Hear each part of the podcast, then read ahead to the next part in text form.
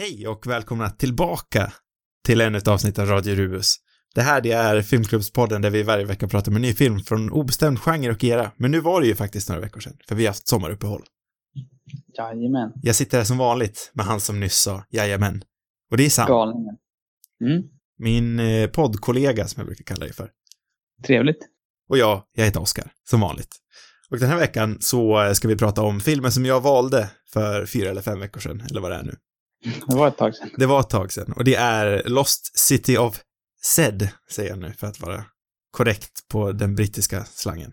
Det är bra. Det är roligt med den här filmen för att jag flera gånger om så här, vänta vilken film var det vi skulle se nu? Så jag gått in på Instagram och kollat vad det står. Så varenda gång har jag blivit, ja ah, men just det! Just ja, det, kul. just det.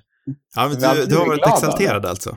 Ja, ja det, ibland när du väljer film så kan jag vara, åh nej, Ja. Mm. Inte E.T. igen. Fast det var Johan, det var inte jag.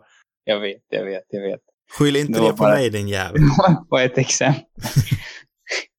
men den här gången, Ja, Ja, det är inte för att få det att låta som att, jag, som att det alltid är så. Det, jag brukar kunna vara väldigt taggad andra gånger också.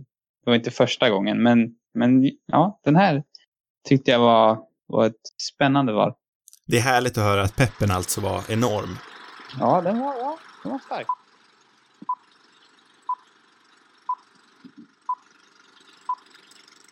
Men då tycker jag att vi kan dra igång och prata om den här filmen. Mm, Och vi kan ju börja med att jag frågar standardfrågan, vad handlar den här filmen om Sam? mm. Är det jag som ska göra jag på, Delvis borde det vara den som har valt filmen som borde berätta. Ja, Men jag kan ta den då.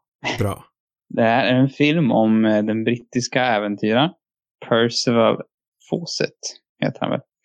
Eh, som, eh, ja, han ger sig iväg till Amazonas väldigt många gånger i verkligheten tror jag. Om jag har gjort min research rätt. I filmen åker han väl dit typ tre gånger tror jag. Mm. Eh, på olika resor där. Eh, under hans första resa så upptäcker han väl spår efter en, vad säger man för någonting? En, eh, En utdöd stam. nja, Eller är den nej. utdöd? Han hittar spår Ja. efter en stam. En civilisation, En snarare. civilisation. Inte en stam. Stammar hittar han flera stycken. Det är väl just att det är en, en civilisation som han hittar spår efter. En Som, civiliserad stam. fan vad du uttrycker det dåligt. Tack. Tur att tack, det är jag som gör det här ändå. Det, är- det är väl någonting som liksom kanske är på man, vad som heter fördomen i England och resten av världen. Eller ja, resten av västvärlden kommer man väl säga. Är väl att, att de här, det är bara galningar som bor ute i djungeln. Som inte har någon ordning liksom, på någonting. Och han menar att det här är ett spår på ett civiliserat samhälle i, djungeln. Eh, sen hur härlig den här, den, den riktiga påset var i verkligheten. Eh, det, det har jag läst vissa som motsäger sig. Men, men han tror i alla fall på det här. Och därför så vill han liksom upptäcka den här förlorade staden. Eh, och det är därför han reser tillbaka de här andra gångerna. Eh, det är väl handlingen i det, liksom det stora antar. Och sen har han väl, han har ju sin fru där hemma och barnen och relationerna va. Som Ja. också är intressant för handlingen. Men det kan vi väl gå in i mer, mer detalj. Precis, sånt som vi kommer in på. Vi kanske ska nämna också att det är från regissören James Gray. Som jag inte har sett något tidigare av. Inte Men jag heller. Han är en yankee va? Ja, det tror jag i alla fall. Som har gjort ett antal intressanta filmer som man kanske borde ta sig. Mm. Han har jobbat en hel del med, med eh, Joaquin Phoenix bland annat. Mm, just det. Det bör också tilläggas innan vi börjar på riktigt. Jag är ju lite Mm. ringrostig nu, men den här filmen den kommer ut från 2016 och vi ska prata om den i spoiler fantastisk detalj. Om vi försöker samla ihop alla delarna här i början. Alltså, Precis, till slut kanske vi har fått in allt som exakt. Men nu, det där tror jag var det sista. Mm. Att den här filmen kom ut 2016 är för mig lite av ett mysterium, för jag tänker att den kom ut typ förra året. Mm, det känns som att den hade en konstig debut. Lite grann. Eller jag vet inte. Enligt IMDB så kom den ut i USA 2017, i april. Eh, Så jag vet inte vart den släpptes 2016. Nej, jag vet inte. Jag tror på, på cineasterna där vi såg vara på, ganska konstig. på cineasterna det och Google stod det 2016, är jag relativt säker på i alla fall. Mm. I Sverige fick den någon, där fick, fick den någon premiär på bio. Ja, det kanske den fick.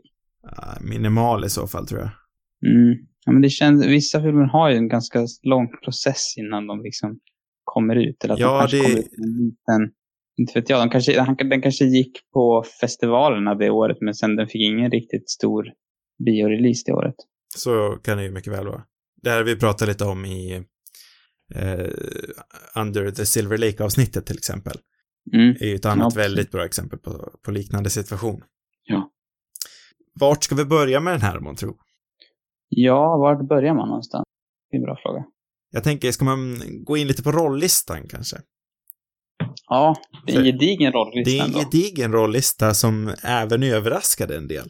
Mm. För om jag ska tala ur egen erfarenhet så har jag alltid haft lite svårt för Charlie Hunnam, Mm. som spelar vår huvudkaraktär. Och det hade jag också i början av den här filmen. Det är någonting, återigen i mitt tycke, som gör att jag har lite svårt, jag tror det är hans röst till mestadels som gör att jag inte riktigt har tolererat honom i det förflutna. Alltså jag känner ju verkligen precis samma. Om inte ännu, ännu liksom större, större avsky mot honom. Det Som är ju någonting bygger på med ingenting egentligen. Han är så okarismatisk på något vis. Ja, och tyvärr så fortsätter jag nog känna så även om det är det första jag sett med honom. Så, att, så här är det. Jag har en lite bättre bild av honom efter det här. Men, men fortfarande, han är fruktansvärt. För Han har inte riktigt, eller ja, karismatisk kanske. Bättre. jag lämnar ju den här filmen med att jag ändå gillar honom, men jag tror att det har till mestadels att göra med karaktären och hur den är skriven slash regisserad snarare i, i hur, än i hur han har spelat den, om man säger så. Mm. Jag tror inte att det är Charlie. Hunnams, att det är hans Förtjänst. liksom förtjänst att jag gillar den här karaktären i slutet. Nej, tyvärr. Men han är liksom, han är väl den här ultimata machosnubben på något vis. Eller det som jag ser i alla fall.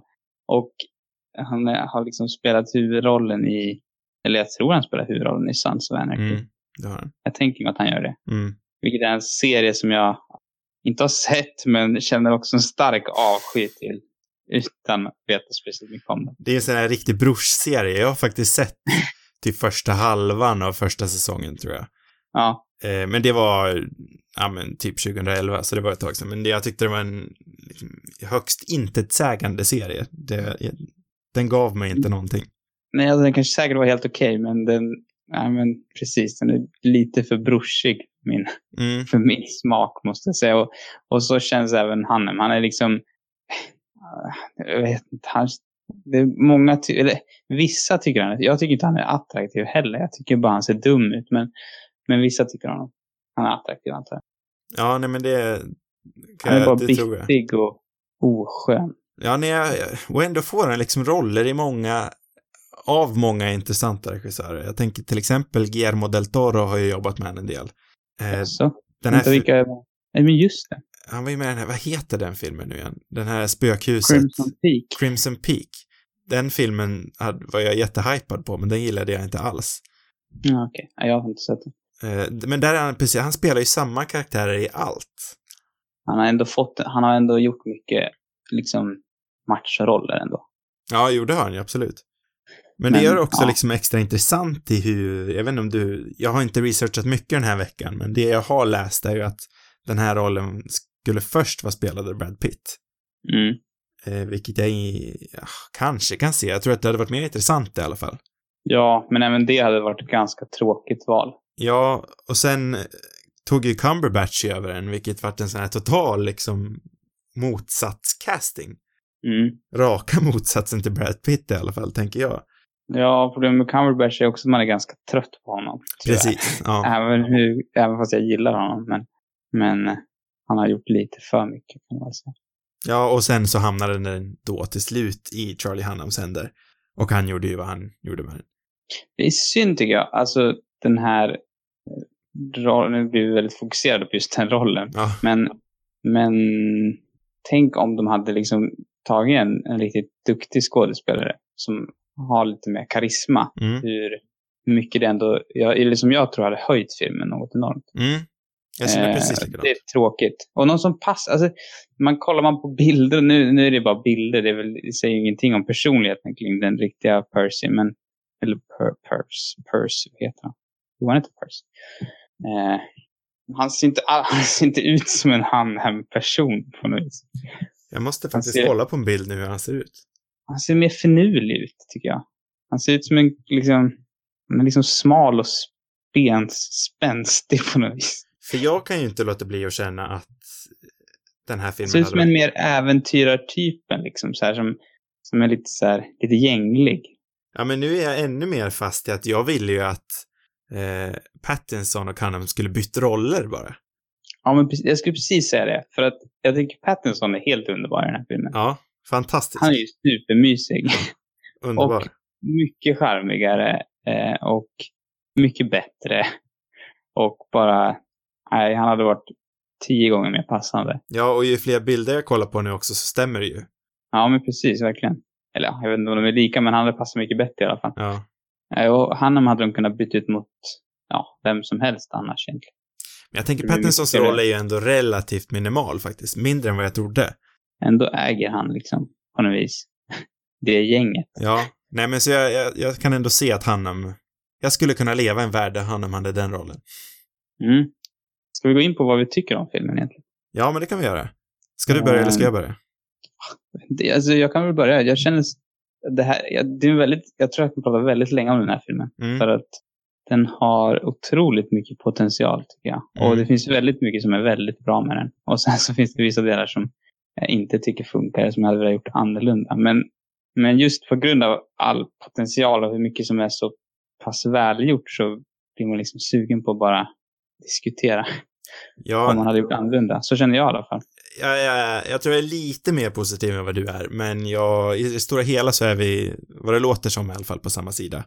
Jag vet inte hur positiv jag är. Jag känner mig väldigt så här, svårt att, att sätta fingret på vad jag känner inför, inför den här filmen. För jag tror att ja, men just för att man ser potentialen i den så kanske man värderar den lägre än vad man skulle ha gjort annars. Och jag tror också att du kan, som du brukar kunna göra, höja den här filmen innan du är färdig. Så jag liksom börjar gå över mer. Det är inte så att jag tycker den är dålig alls, men Ja, Men- höja den för dig menar du? ja, men precis. ja, men då är jag med. Jag förstod inte vad du menade. Ehm, nej, jag vet inte. Svårt. För Svårt det, att känna. Det, vad man ska känna. det, det jag liksom inte riktigt kan undgå är att fundera om film verkligen var rätt medium för den här historien i den formen den var i just Mm. nu i alla fall. Känns inte det här lite mer som en fantastisk miniserie mer än en två timmars lång film? Ja, därför en, ja, det där tycker jag du sätter fingret på någonting. För att den känns som film väldigt hoppig. Mm, otroligt hoppig och eh, pacingen, jag måste komma på ett bra ord för pacing. Rytmen, eller vad man ska säga, Mm, ja, men det är ganska bra. är jättemysko, Mm. tycker jag i alla fall. Ja, nej, alltså jag hade en, antingen velat sett en miniserie som, som kunde vara liksom, ja, dra ut på det lite mer. Eller så hade jag velat sett en film med ett annat upplägg. Alltså jag hade kunnat tänka mig att se, jag menar att de hade fokuserat på en resa bara istället. Mm, Eh, det är ofta när man kollar på sådana här liksom baserade på verkliga historier så kör ju många på antingen den här, eh, de ska visa alltihopa som den här gör, mer eller mindre, även om det hoppar mycket såklart. Men, men försöker ändå visa liksom från början till start. Och sen har vi vissa filmer som fokuserar på ett event. Och jag, jag tror att det hade blivit mer intressant om, om, i alla fall om man ska göra det som en film, att de hade valt en av hans resor. För jag blev jättechockad när han, när de lämnade första resan så snabbt. Mm. Jag visste ju ingenting om liksom förlagan eller den verkliga, eh, verkliga historien det här var baserat på. Så jag var ju helt säker på att nu är de i Amazonas, nu är de här hela filmen. Mm. Jag förväntade mig liksom en, eh, en Aguirre Guds vrede väg ner i, i, eh, i oändligheten. Ja, det är ju väldigt intressant att jämföra den med de filmerna med varandra. För att den gör ju på det andra sättet. Mm, precis. Den gör det ju på det föredragna sättet, för mig i alla fall. Och vad det låter som Mm. för dig. Men det, är- det är synd för att, och också, jag tycker, alltså de, de delarna av filmen som utspelar sig i djungeln är ju fantastiska tycker jag. Alltså, jag tycker, den, filmen är fortfarande väldigt spännande tycker jag. Och eh, alltså, även alla delar. Men, men just djungeldelarna känns så här. vet inte, just att de har filmat på, den är så otroligt snyggt filmad. Mm. Alltså, och känslan av att de har varit på plats märks så tydligt. Ehm, så, och allt det tycker jag också funkar. Jag tycker skådespeleriet känns bättre där, det känns mer naturligt. Det passar, han passar bättre ute i djungeln på något vis. Än de här scenerna med eh, Sienna Miller som spelar hans fru som känns ganska krystade eller liksom konstiga. Jag vet inte. Allt, alla scener som har någonting med, det här, med hans relationer till familjen tycker jag är konstiga. De är liksom inte riktigt on point på något vis. Alltså, Sienna Miller är ju en evigt på tok för bortkastad skådespelerska. Jag tycker att Ja, hon det är också- jag älskar det- henne. Det är deppigt med den här filmen, för jag läste att, att hon hade liksom sagt också till, till regissören att, att hon vill inte ha ännu en sån här roll där hon spelar någons fru. Nej, och hon fastnar ju alltid i de rollerna. Och tyvärr så gör han ju det även här. Ja, det är så jävla tråkigt. Och de försöker liksom väva in den här jämställdhetsgrejen. Men det känns, det känns, det är krystat gjort. De liksom uppfyller inte riktigt. Det känns mest som att de, ja kolla nu gjorde vi det här, men vi, vi gör ingenting mer åt det på något vis. Det känns väldigt falskt, tycker jag. Nej, men för hon är ju Eh. skådis som gick rakt från det här liksom heta brud, blonda bruden-rollerna, som inte heller är någonting att ha egentligen, rakt in i den här otroligt tråkiga hemmafrusrollen. Mm. Och det är så fruktansvärt tråkigt, för hon är ju riktigt, riktigt bra. Ja, och jag tycker inte det finns så här, om man, om man jag vet inte, de försöker bygga upp det där som att hon är självständig och det är hon och sådär, men, men det, hon får inte, det finns ingen tid till henne i filmen. De hade li- lika gärna kunnat skippat den delen, känns det som. Mm. Det, det blir bara konstigt då. Sen måste jag ju säga det dock, att eh, hon har ju ett av de bästa ögonblicken i den här filmen, enligt mig, och det är ju den sista bilden. Mhm. den här äh, bilden när hon går in i sin egna djungel, i sin egna besatthet Men just det. för Ja, det att hitta sin, sin man. Hennes mans besatthet eh, var, ju, var ju djungeln på riktigt liksom. Men hennes egna djungel blir ju att hitta sin son och sin man.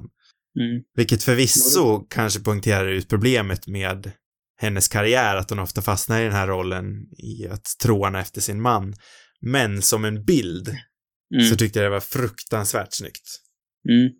Ja, verkligen. Nej, men det, jag, jag tycker det är synd i alla fall. Det känns, det känns som att... Och det tror jag beror också på att det är sådär hoppigt. Liksom. Hade Mm. de kanske fokuserat på en resa så hade de kanske kunnat arbeta mer med hennes karaktär och fått den här familje... Hela familjedelen kännas mer trovärdig. Alltså det Det är också... behöver ju inte... Ja. Nej, det behöver inte. Alltså, det hade, jag vet inte om det hade behövt. Det känns inte som att det påverkar. Alltså just när han är hemma så känns han bara, alltså, då tappar man väl också väldigt mycket sympati för honom som karaktär på något vis. Det känns, det är svårt. De, de bygger upp det till en början av att han måste åka på den här resan för att, för att på något sätt rädda hans, ja det att hans pappa och hans rykte och eller familjens namn på något sätt. Det är väl själva grund, eh, som jag Mm. fattar det i alla fall. Men sen efter det så är det liksom, så, det känns, han har svårt att liksom ha någon så stark motivation till varför han ska överge sin familj under alla dessa år liksom. Fast det är väl, det tror jag ju absolut är med flit och det gillar jag ändå. Jo, här- alltså ja, det, det var ju så uppenbarligen. Jag vet, alltså det känns ändå som att det inte får några större, I det stora hela så funkar det ju inte, det håller jag med dig om. det, det, det, sen kanske hon eh, var fine med det, hans fru, inte vet jag. Men eh, hon kanske gillade att vara själv och sköta allt, allt det andra liksom. Men, men det känns som att det inte har några större, som någon större påverkan. Nej, men för hon, hon är liksom trotsig i början och vill inte att han ska åka, så bråkar de. Sen så blir det ändå okej liksom fem minuter senare. Och det har inga konsekvenser att han lämnar. För hon är ändå där och så får hon en ny unge för varenda resa. Och man undrar, Bråkar ju inte jättemycket heller. Det känns här, det är lite småbråk. nej men, ja, precis. Och man kan ju inte låta bli att undra att är det verkligen hans unge? Det är ju lite misstänksamt att hon har en ny unge varenda gång han kommer hem. ja, det går inte riktigt ihop de Nej. åren här, tror jag. Jag får, han är borta i två år och så har, en, har hon en helt nyfödd unge i armen. Man kan ju hoppas. Att, att hon har någon annan där hemma. Ja, Det kanske är så man ska se det. ja det, ja, det hade ju varit Jag väljer nog att tolka filmen som det. Det tycker jag att han håller på där liksom och, och i djungeln och håller på med sitt trams. Då kanske hon har en trevligare man där hemma. Hon lever sitt bästa liv hemma i London, va? Någon lite charmigare än, än herr Charlie. Mm. Ja, nej, Mm. men det håller jag ju med dig om, att alla de här liksom mellanlandningarna mellan resorna är ju väldigt krystade och det, på något vis känns det bara som att de existerar för att han ska få sin son med sig under den sista resan till Amazonas. Men den sista resan till Amazonas är ju också den svagaste. Ja, men det, för den blir liksom så, så kort. Den är jättekort. Den känns praktiskt taget som ett montage. Mm. Och det skulle... Alla resor upplevs ju delvis som montage just eftersom de ges så lite tid. Det har du rätt i. Eh, Men extra Eller mycket filmen är serien. lite som ett montage nästan. Men den sista som du säger, den är ju extra mycket montage. Och det ska i slutet också då bli den emotionella liksom kruxen. Det är det som är grejen att han Mm. tog med sig sin son med till denna för honom besattheten och sjabblade liksom bort båda, der, båda deras liv. Mm. Men det funkar ju inte när det inte har getts någon tid. Nej, jag, alltså hade jag gjort den här filmen så hade jag nog förmodligen velat gjort den där sista resan bara. Att Ja. det var bara den. Och att man kunde ha utforskat han och sonens så här, förmodligen rätt halvtaskiga relation under den resan på något sätt. Mm. Eh, Och gjort ännu en fader och sonfilm. Men, men det hade känts, det tror jag hade varit en, ett bättre val. Det hade varit, känts, man hade kunnat gjort en bättre ark och, och fått liksom en starkare emotionell payoff på slutet. För att man, även om de kämpar väldigt mycket för att, för att skapa det emotionella kring han och sonens relation så, så lyckas det aldrig eftersom alla de här hemmascenerna känns så korta och krystade. Och det blir också liksom en emotionell frånkoppling eftersom Jack heter han va? Mm. Är spelad av tre olika skådisar. Mm. Eller två åtminstone, jag tror det är tre. Mm. Så man har ju inte den kontinuiteten mellan, alltså i rollen heller, utan det blir varje gång liksom en ny skådis vi ska lära känna och en ny tolkning av denna karaktär. Mm. Vilket också gör att vi liksom förlorar det emotionella bandet mellan honom och den här karaktären. Mm. Ja, Nu låter vi otroligt negativa. och jag tror också att filmen fallerar lite ju mer vi pratar om den, för mig i alla fall. ja, den här gången kanske hade motsatt. För jag hade också förväntat mig att den skulle bli lite bättre under vårt samtal. ja, det är svårt. Och ändå var, alltså när jag såg, jag kände mig ganska förtrollad av den på något vis. Men det tror jag handlar mycket om, men det är väl, den är ju väl, alltså den är ju välgjord för att vara en sån här, liksom hoppig, eh, baserad på en sann historia-film. Mm. Men det är inte, jämför med många andra så är den ju ändå rätt bra tycker jag. Alltså de Ja, flesta ja, ja. Så brukar vara rätt eh, halv, halvbra. Den här är ändå på något konstigt sätt bättre än de flesta. Eller ja, kanske inte bättre, jag vet, jag vet inte. Men den ligger ändå på en rätt bra nivå. Men det är också Och så sen- otroligt kul att se en, förlåt när jag börjat göra det, men, men eh, det är så kul att se liksom en ambitiös och väl påkostad vuxen film. Mm. Jag tycker också det är väldigt fascinerande med hela den här utforskaraspekten av det Mm. hela. Och, och som du säger, att, att det känns så äkta. Att de har liksom, jag menar, och hur, hur väl gjort. Alltså de flesta filmerna som görs inom den här äventyrsgenren i alla fall idag är ju väldigt, känns ju väldigt oäkta. Mm. Eh, den här är ju en mycket mer traditionell, traditionell film som, som de gjorde film på, ja men när, när eh, eh, vad heter han för någonting? När Herzog gjorde till exempel, ja, den vi nämnde tidigare. Ja, men precis. Ja, nej men det har du helt rätt i. För jag kan inte tänka liksom senaste moderna filmen jag såg. Nu vet jag inte hur stor budget den här filmen hade, men den känns väldigt dyr. Mm. Och den spelar ju inte ner till sin publik Nej. alls. Alltså, jag, jag tänkte lite på det innan, inte jättemycket. Men filmer som tydligast kom eh, liksom upp för mig när jag tänkte på vuxna filmer eh, som är välpåkostade var ju Rush som kom ut för 2013 kanske, eller något sånt där. Mm. Eh, jag, jag tyckte Rush var jättebra. Mm. Och det var också en väldigt vuxen film som inte nödvändigtvis spelade till den bredaste publiken, men eh, som ändå liksom, den kändes som att den hade tillit från eh, skaparna. Mm. Ja. Men ska, för att vara lite positiva Mm. så tycker jag att vi kan gå in på den andra resan till Amazonas. Eh, den bästa resan, enligt mig. Mm. Ja, men verkligen. Den var ju väldigt tacksam att prata om den här filmen eftersom den är så hoppig. Ja, det kan vi få hoppas som vi brukar göra. Ja, men exakt.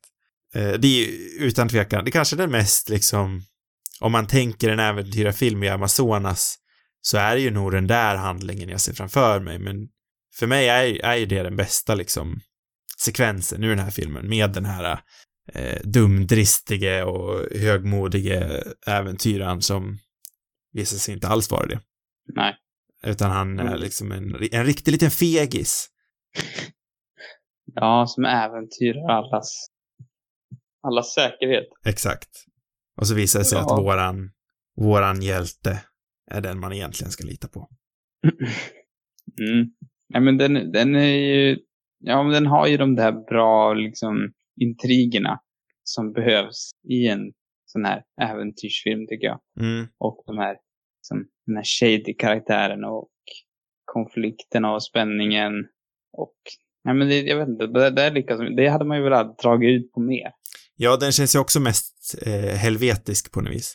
Mm. Jag tycker inte riktigt att de här resorna till Amazonas känns hemska nog. Mm, Men det jag tror det är för att de är så, det blir liksom, man hinner inte, man hinner knappt åka dit så åker man hem igen. Alltså han var ju där i flera år.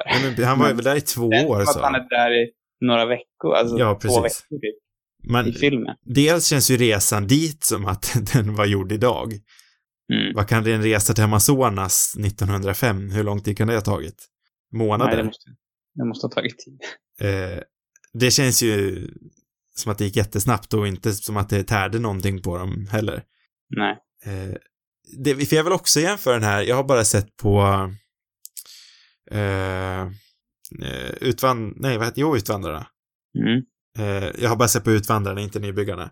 Men eh, eh, jag tänker att den är ju någorlunda snarlik i alla fall i det här att de tar, tar en lång resa via båt. Mm. Eh, nu har jag visserligen inte sett filmversionen, så den kanske är helt annorlunda, men tv-serieversionen spenderar ju liksom en lång tid på båten med våra karaktärer och det känns ju som ett riktigt helvete att ta sig från Sverige till Amerika via båt på den tiden. Mm. Och jag vill ju ha mer av det och jag vill ju också ha den här liksom, jag vill ju känna hungern ute i djungeln, jag vill känna svetten liksom rinna ner. Och jag tänker, det lär väl ha regnsäsonger under tiden han var där. Ja. Det lär ju varit ja, långa verkligen. sträckor regnsäsonger. Ja, men om man återgår till, till Herzogs film så där, där hinner man på något sätt mer känna av den här, det här helvetet på något sätt. Mm. Eftersom det bara är, den känns ju väldigt mycket som att den, som att det är liksom, vad säger man för någonting? Att den utspelar sig i, i nej, nej vad heter det? Vad sa du, att den utspelar sig i Amazonas? Nej? Ja, det gör den väl, typ, eller? Ja. Men, eh, nej, men jag tänkte att det är i nutid, alltså allt händer. Jaha, i realtid? Ja, realtid, precis. Eh, och just att den utspelar sig i realtid och att det bara är en, en resa, hela filmen, Mm. gör ju att man, man upplever eh, ja, mer olika delar av, av det hemska med att vara där ute i djungeln. Och, och man, ibland är det liksom full fart och ibland är det bara att de sitter liksom på den där flotten och tar in miljöerna på något sätt. Ja, Det alltså, saknar jag också i den här filmen, för det finns... Det, det, man, just eftersom de har varit där, så varför tar de inte tillvara på... Varför låter de inte kameran rulla lite grann ibland? Alltså, mm. stannar upp på något sätt. Det, det är väldigt snabbt klippt ändå, om man jämför de två filmerna med varandra. Och det var någonsin jag varit liksom provocerad för att, för att de hade musik, de hade soundtracket på, på filmen när de var där på den här floden, vilket kändes helt... Eh, ja, men jag, man vill, jag vill höra liksom ljudet av djungeln, Mm. eller jag vet inte, skapa den känslan av att man är där. För att med det här eh, otroliga fotot och att de var på plats så skulle de ju så enkelt kunna göra det, men ändå så, så sjabblar de bort det lite grann. Ja, och det finns liksom flera sådana här... Det är ju svårt att sätta sig in liksom i... eh, alltså så här långt tillbaks i det förflutna när man inte visste, alltså det här var ju en outforskad värld, man visste ju ingenting. Och jag tolkar det lite som den här, i den här sekvensen när de försöker fiska från flotten. Mm. Eh, och de får ingenting. Sen så blir han skjuten av en pil och han ramlar ner i vattnet så blir han uppäten av pirajor, antar jag att det är. Ja. Eh, då ska vi ta för givet då att de inte vet vad pirajor, att det är pirajor i vattnet. Eller de vet inte vad pirajor är helt enkelt. Jo, men det säger de. De säger pirajor. Ja, jag tror det. Okej, Anne då. Då tar jag tillbaka det jag sa. Förstördes hela din teori nu. Nej, jag hade ingen teori. Jag, jag tyckte bara att de skävlade bort liksom upptäckten av att det fanns köttätande fiskar i vattnet. Men om de visste om att det var pirajor då. Jag vet inte om alla visste det, men det var någon av dem. Kanske, kanske en sån karaktär, har för mig. För det kändes ju lite som ett inte, alltså, det hände, alltså han blev uppäten, men det, det fanns inget där. De trycker ju inte på det. Nej, nej det gör de inte. Och det sammanfattar ju nästa, nästan det mesta med filmen, att de, Ja. de har grejerna där, men de har, inte, de har inte tid att trycka på det. Det är för mycket de vill göra. Mm. Men sen, för att återigen fortsätta med jämförelsen med Aguirre, vilket vi nog kommer göra en del, Mm. så båda utforskar ju besatthet. Ja. Eh, Den här filmen gör det ju via att liksom visa över hur besattheten inte lägger ner på flera år, att den till och med, besattheten varar under de här tiden då han var i pension. Mm. Eh, Suktan efter djungeln ligger liksom kvar, den går inte att, att släcka den här glöden. Men på Aguirres sida så får vi som sagt eh, följa den här besattheten mer i realtid eh, under en kortare tid och alltså båda sätten är väl på papper rimliga, rimliga synvinklar Mm. att eh, försöka skildra det här ut, men eh, det går inte heller att undvika att Aguirre funkar mycket bättre. Ja, sen om man, ja, jag kan ändå tycka det som, eh, om man säger Aguero så blir ju huvudpersonen mycket mer galen. Mm. Eh, Den här besattheten i, i, i Zed är, känns, man, blir, man tänker inte lika mycket på att han är besatt. Alltså han känns inte lika, han är ju uppenbarligen väldigt besatt, men man liksom, det är nästan som att man blir ett mer med karaktären för att han blir mer på någon typ av normal nivå, som han själv blir medberoende. Mm. Eh, det är lätt, alltså man ser inte på samma, lika mycket utifrån som jag gjorde Aguero. För då var det väldigt, ja men kolla på den där. Ja, här, är det mer, här kan man ändå känna förståelse för honom. Alltså han känns ju ändå som, känns ändå vettigt på något vis. Eh, även om mycket av, alltså många aspekter av hans besatt klart inte är vettig. Men, men eh, jag vet inte, det är något mer mänskligt och lättare kanske att relatera till, tror jag, den här besattheten. Än att relatera till en man som blir helt galen till slut. Mm. Jo, men det har ju en poäng i, men det, Så det tycker jag nästan att den här på något sätt, för mig, jag känner mig kanske mer investerad på så vis i, i den här karaktären. För att jag vill ju också att han ska åka tillbaka. Det är inte så att man önskar att han ska stanna. Eh, Medan i Aguero vill man ju nästan att han ska åka hem. Så att man pallar ju liksom inte mer av hans galenskap. ja. Ja, nej, man vill ju att han ska åka tillbaka hela tiden, men det är också, man har inte tid att vilja att han ska åka tillbaka.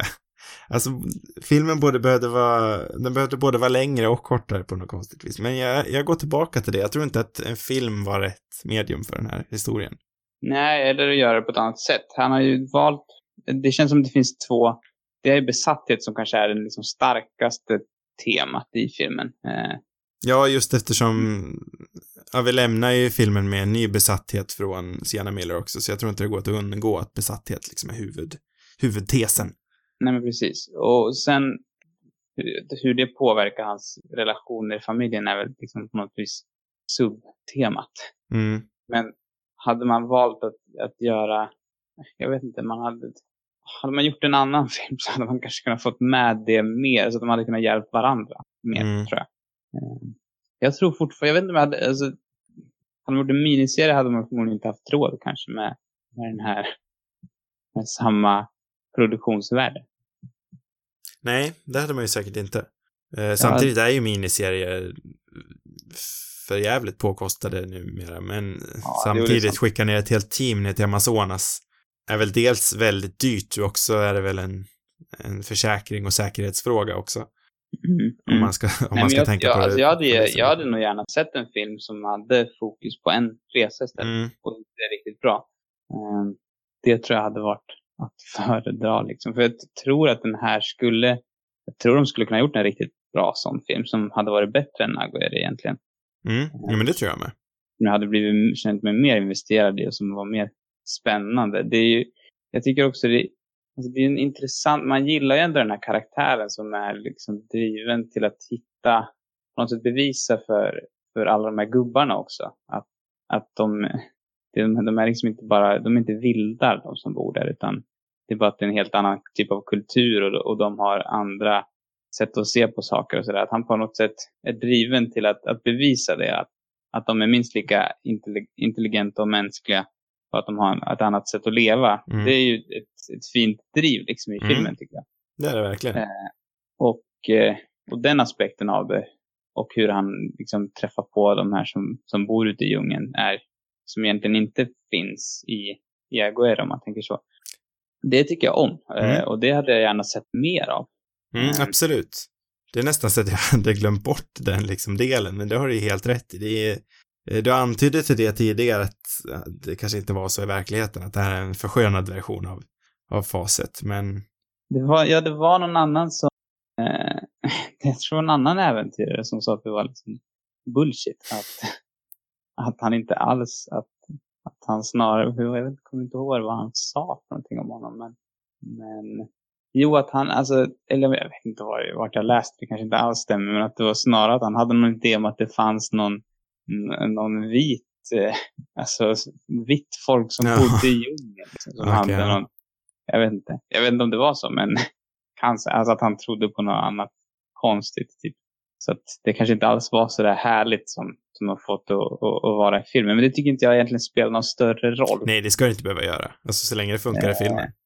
Det är, det är mycket just i filmen är det, känns det, hade, funkar det mycket bättre än om han hade liksom trott på en hokus pokus med någon, någon vit stam mitt i djungeln som hade någon, jag vet inte. Jag får läsa på mer om hans, om den där teorin men. Ja, nej, det påminner ju lite om den här skildringen av P.T. Barnum i, i den här The Greatest Showman. Mm, där de också det. förskönade ett svin. Mm. Alltså, jag vet han kanske inte alls var ett svin. Det är, det är svårt att veta. Ja, nej men det hör ju inte riktigt till saken egentligen. Så länge det funkar dramaturgiskt i filmen så struntar jag fullständigt i om det är verklighetstroget. Det känns som Barnham gjorde, om man ska jämföra med honom, så gjorde han ju liksom bevisat vara jävligt hemsk. Mm. Eh, eller de grejer han höll på med, det var ju vidrigt. Eh, när det gäller påset så vet jag inte om det finns lika mycket belägg liksom för hans, för hur, hur han var liksom, och vad han hade för, för idéer. Men han i den här filmen är han ju verkligen en, en god, god människa när det gäller åtminstone eh, hur han ser på de som bor, som bor i Amazonas. Ja, och jag tror också att det är nödvändigt rent dramaturgiskt att hans besatthet på något sätt grundar i någonting gott. Så att, eh, ja men så att hans, eh, han har övergivit sin familj så att det någonstans inte blir värt det, men så att det på något vis ändå blir okej. Okay. Mm. Ja, men det tror jag också. Eh, och det kanske också är det som är ännu en anledning till att man ändå förstår honom i den här besattheten. Och jag tänkte knappt som en besatthet till en början. Jag tänkte mer som att han, mot slutet så, så såg jag det som det, men, men till en början kändes det liksom som att han gjorde något vettigt bara. Mm. En sektion ja. vi inte har pratat om än är ju kanske den sista och kanske den onödigaste sektionen, det är väl krigs, första världskriget-sektionen. Mm. För jag tror egentligen inte att, man brukar säga show don't tell, men i det här fallet med den här filmen som har på tok för mycket hopp så tror jag att det hade räckt. Eller det, egentligen behövde inte ens en replik. Vi alla vet ju att första världskriget skedde under de här åren, så hade de bara hoppat liksom tio år eller någonting och sagt vad som hände under första världskriget så tror jag att jag hade nöjt mig. Jag behövde inte se det. Nej, det, det tillför ingenting. Nej, för vad gör det egentligen alls? Nej, det känns som bara ännu en så här standard. Jag vet inte. Det har filmats otroligt mycket sådana där scener mm. på något vis. Och väldigt få som kommer med någonting nytt. Och just i den här filmen så förstår jag inte varför de inte bara kunde hålla sig till, till en äventyrsfilm istället för att liksom tvinga in det där också. Nej, nej, alltså det visar väl brödraskapet som, som skapades bland de här tre karlarna, varav en dör. Ja, alltså det skulle väl kunna så här, kanske kritisera krig på honom, jag vet inte. Men, eller alltså försöka göra någon poäng med det och om man ska kunna dra något, någon jämförelse med, med det andra. Eller till, han är ju väldigt så här, i början av filmen så är han väldigt sugen på att liksom få medaljer och kriga och Mm. liksom göra allt det där. Att det skulle vara någon kommentar på det. Men det känns inte som att han är speciellt illa berörd av kriget. Nej, Förutom att han ligger och är lite ledsen där på någon bår efter. Men det är inte någon, någon djupare sår direkt. Så det känns inte heller som att det kommenterar hans första kanske lite naiva syn på vad krig är för någonting. nej, det har du rätt i, det tänkte jag inte på, men det är väl antagligen det de siktade mot att visa liksom att han eh, ära genom krigsvinst är han över nu. Mm. Han är beyond that, men som sagt, det går inte heller igenom. Nej, nej, det är synd. Men jag, känner du att det är någon sektion du liksom inte har uttryckt din besvikelse om än? Nej, jag vet inte. Den här, den här diskussionen tog en oväntad vändning för mig. Det har varit bara negativt. jag känner jag liksom helt bryter sönder den här filmen nu. Jag, jag tyckte ju om den i början, men nu... Jag tycker fortfarande om den också, men... Ja, den är, ja, den är underhållande och det är mycket trevligt i den liksom. Men och, Jag blir också sugen på att se mer filmer som är... Jag tänker på den här äh, filmen som det var länge sedan jag såg nu, med den här Mel Gibson-rullen som också är... Jag gissar. Apocalypto. Exakt. Men jag tror ins... Fast den kanske inspelad i Mexiko eller någonting. Jag vet inte exakt var den är inspelad. Men den är åtminstone inspelad i djungeln. Mm. Eh, Med alltså, helt i ursprungsspråk också, va? ja, precis. Jag har ju aldrig sett den, men jag tycker den verkar spännande. Jag såg den för länge sedan och tyckte den var väldigt obehaglig, kommer jag ihåg. Mm. Den är rätt våldsam. Men, men den har ju också den här autenticiteten som man gillar. Mm. Eh, och den lämnar eh, heller aldrig djungeln. Vilket också är trevligt. Eh, så den, jag blir ju direkt sugen på att se fler filmer som är, som är liksom gjorda, gjorda på det här sättet. På det här traditionella, äkta sättet. Djungelbaserade filmer. Filmade on nej, men location. Det, det är så mycket filmer alltså, som, är, som utspelar sig i djungeln men som inte är inspelade och det blir så tråkigt. Jag tänker direkt på Tarzan till exempel. Åh, ja. Det är inte alls samma sorts film, men vilken skillnad det är ändå. ja, det är sån Eh. otrolig skillnad. Ja, nej, det är synd. Jag jag är också sugen på att se, jag, jag gissar att den är inspelad på riktiga locations. Den här um, Pocahontas-filmen som Mm. eh, Tallika, eller vet du det, Malik. Vad sa du? Terrence Malick. Mm, precis. Jag kallar honom för Tallik nu. Ja, jo, jag hörde det. Det vart en liten... mellan... Ja. På tal om han, han, trailern, har du sett trailern till hans nya film? Ja, den ser häftig ut. Jag tycker den verkar fruktansvärt bra. Jag tror han är tillbaka i form. Det tror jag med. Eh, men Ja, nej, om- men alltså, ja. jag, jag blir i alla fall sugen på, på att kolla på den också. Eh, vad den nu heter. The kolla. New Land, heter den så? New World. New World, så var det nu. Ska se om den är inspelad på... Vart är den inspelad någonstans? Jag försöker komma ihåg nu på tal om... Den kanske inte ut... Nej, nu spelar sig i och för sig i USA Ja. såklart. Så den är inspelad i Virginia. Det var inte lika häftigt. Jag försöker tänka tillbaka på eh, när du nämnde Tarzan-filmer. Det finns ju en, en lite äldre Tarzan-film som heter Greystoke. Legenden om Tarzan, apornas kung. Är den inspelad på plats? Ja, det är det, jag, det var så länge sedan jag såg den nu, men jag för mig att det var, att den kändes djunglig liksom. Det här var innan green screen, så det kan ju bara varit en soundstage. Men då var det ju, Är den från ja, 84? vad sa du? Är den från 84? Det låter inte orimligt. Ja, det är han. Eh, Men det, det var rätt balla apkostymer den om jag inte minns helt fel. Den verkar ha spelat in i Kamerun, ser det ut som. Ja, nej men den, något av ett misslyckande, men jag har för mig att den var rätt spännande. Att den också hade potential. Det ser ju intressant ut i alla fall. Ja. Det måste man ju säga. Men nu börjar vi lämna ämnet. Känner vi att vi har någonting mer att säga om Lost City of Zed? Zed. Jag vet inte. Tror inte det. Eh, lite synd måste jag säga. Ja, li- lite synd ändå, men jag är, ju- just eftersom den är så ambitiös ändå, jag, jag är lite rädd att den här Ad Astra också kommer vara en katastrof.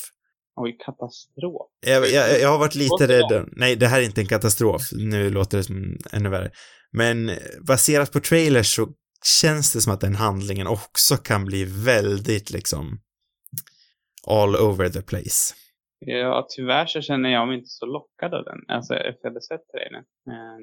Det är lite tråkigt. Jag vill se Och den nu, bara alltså, för att... här så kan man ju verkligen känna rädslan för att den kommer ha vissa brister. Jag vill se den bara för att Tommy Lee Jones är ute i rymden. Just Och det känns som en situation jag... eh, Det känns som den sista situationen jag skulle se Tommy Lee Jones i. Mm. Så därför vill jag se den filmen.